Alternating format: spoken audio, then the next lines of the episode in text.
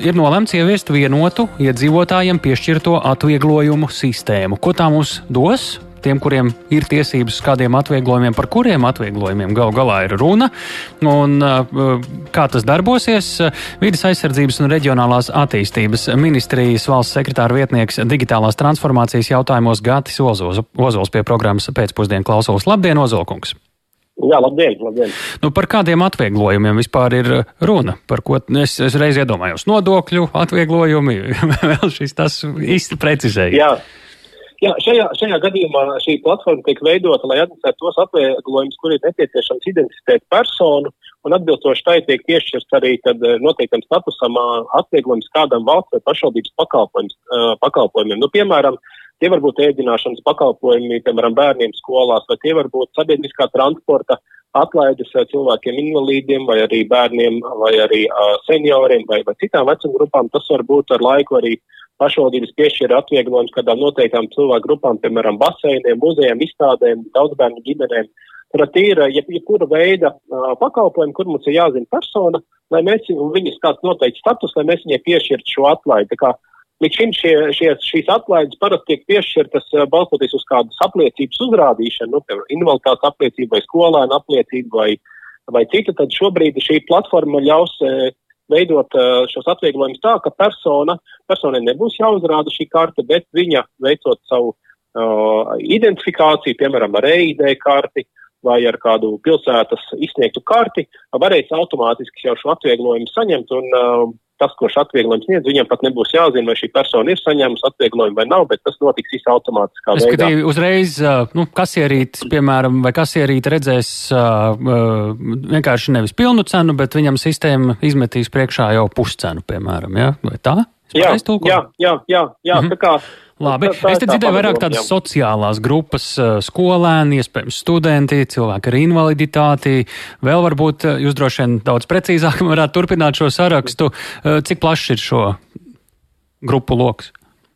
Jā, tas ir atkarīgs no tā, kurām grupām ir nepieciešams. Principā, ikvienu no šīm grupām, kurai ir vēlme piešķirt šo atlaidi un ir, no, ir, ir pieejams kāds veids, kur mēs jau šobrīd to uzskaitam, vai nu pašvaldībā, vai nu valsts līmenī, uh, Attiecīgi šo reģistru tad var pieslēgt arī pie šīs atvieglojuma vienotās sistēmas un arī šīm grupām var nodrošināt, eh, var nodrošināt šīs pie, atlaides piemērošanu.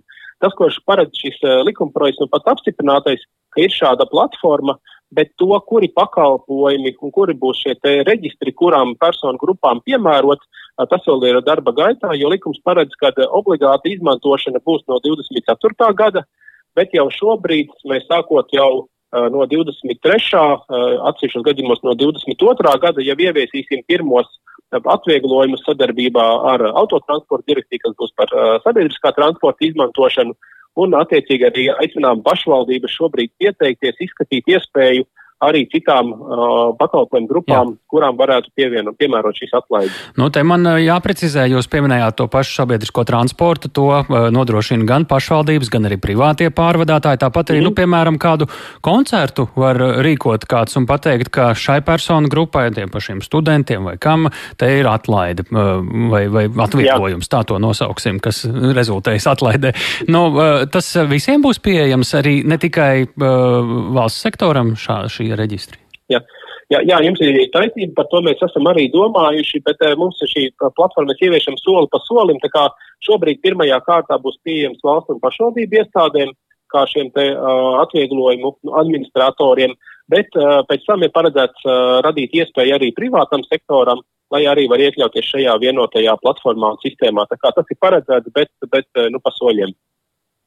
Nu, un, kā ar to, uz ko tas neatiecas? Es jau te nodoklīšus mhm. pieminēju, un vēl varbūt daudziem šobrīd Jā. radoši jau domas kustās, par ko šeit noteikti nav runa. Jā, nu šeit nebūs runa par tiem uh, atvieglojumiem, vai, vai pareizāk sakot, nevis atvieglojumiem, pabalstiem, ko, piemēram, mums piešķir sociālās apdrošināšanas aģentūrā, jā, vai nodarbinātības valsts aģentūra, uh, valsts ieņēmuma dienas, tā kā tajā gadījumā tie jau personai tiek piešķirti automātiski, un tur atsevišķi persona vēl nav nepieciešams identificēt. Tā kā tajā gadījumā uh, uz, uz tiem neatieksies. Bet tajos gadījumos, kad personai ir, uh, ir jātiek identificētai, tad uh, viens, ka to varēs jau, kā es minēju, uh, izdarīt, izmantojot šo karti nu, tādā diskrētā veidā. Otrs, personām būs pieejams elektroniskais pakalpojums, kurā viņas varēs redzēt visus atvieglojumus, kas uz viņiem ir piemērojami uz viņu šo statusu un arī kurus viņi ir izmantojuši. Līdz ar to nu, persona jau iegūst tādu kopīgu skatu par valsti, nevis, kad nu, katrā pašvaldībā vai katrā valsts pakalpojumā būtu jādomā atsevišķi. Tas būs tas iegūms arī personai. Vai cilvēks, kurš nu, ieiet tajā pašā Latvijā LV, identificējas tur, varēs ieraudzīt, uz kādiem atvieglojumiem viņam ir tiesības līdz ar šo sistēmu? Daži varbūt jā, nezina, ka viņam uz jā, kaut ko ir tiesības. Jā, ir, ir paredzēta šāda elektroniskā pakalpojuma izveide, kur persona varēs ieraudzīt jau uz kuri, kuri atvieglojumi viņai pienākās un arī kurus viņa ir izmantojusi. Tas ir paredzēts. Jā. Mm -hmm. nu, arī ienācis jautājums, ir, vai nav bāžu par datu drošību. Nu, šeit ļoti privāti dati dažreiz tiek uzticēti, varbūt iespējams nu, ļoti plašam lokam. Mhm. Jā, nu, šajā gadījumā nu, patiesībā tie dati šobrīd eh, jau kas eh, personām ir par, par šo personu statusu, jau šobrīd ir valsts sistēmās un patiesībā izsniedzot šīs uh, apliecības, kas ir uh, dažādi status apliecinoši vai invaliditātes apliecība vai pensionāri vai, uh, vai vēl citas apliecības. Uh, mēs nodrošinām tikai to, ka uh, nu, to var parādīt jebkurā vietā, uh, nu, tādā fiziskā veidā, jo nav iespējams uh, to pieslēgt šīs sistēmas. Tā kā šobrīd šī jaunā platforma jau nemainīs nekādā veidā, kā tie dati tiek uzkrāti. Viņi pietiekami tiek aizsargāti un, un, un nekādas šajā ziņā Jā. nekādas izmaiņas tas nenesīs. Un vēl noslēgumā, strādājot ar šo, jūs varbūt esat šo piefiksējuši un ļoti ticams, ka tā ir, nu, kas ir tā lielākā sabiedrības daļa, kur ir visvairāk šo apliecību vai jau šobrīd spēkā esošo atvieglojumu un kā jūs redzat, uz ko, kas vislaba, būs vislielākie šobrīd ieguvēji tad, kad, un ja tas stāsies spēkā, tā kā tam jābūt. Jā. Nu, mēs uh, esam skatījušies uh, saziņā ar pašvaldībām. Uh, lielākais fokus šobrīd ir bijis uz dažādu veidu ēdināšanas un transporta pakalpojumu atvieglojumu administrēšanu. Un, uh, tā mūsu pieredze par, ar pašvaldībām, kuras jau ir ieviesušas pašvaldības līmenī līdzīgas sistēmas, rāda, ka uzskaitot šo atvieglojumu piešķiršanu pēc fakta, pašvaldība ietaupa līdz pat 20% no, no iepriekšējiem maksājumiem, mm -hmm. ja, kas balstījās uz tādiem teorētiskiem aprēķiniem. Tā mēs redzam, ka šeit uh, tā varētu būt uh, nu, tās, tie lielākie ieguvumi. Mēs esam aprēķinājuši, ja mēs ēdināšanas un transporta jomā pašvaldības varētu ietaupīt ap 15%, tas līdz, līdz 140 tūkstošiem uh, eiro Jā. gadā, ja visus atvieglojumus, tad vēl vairāk. Un uh, pavisam noslēgumā, uh, es saprotu, pakāpeniski daudz kas sāks darboties, bet tas pirmais lielais starts tad sistēmai?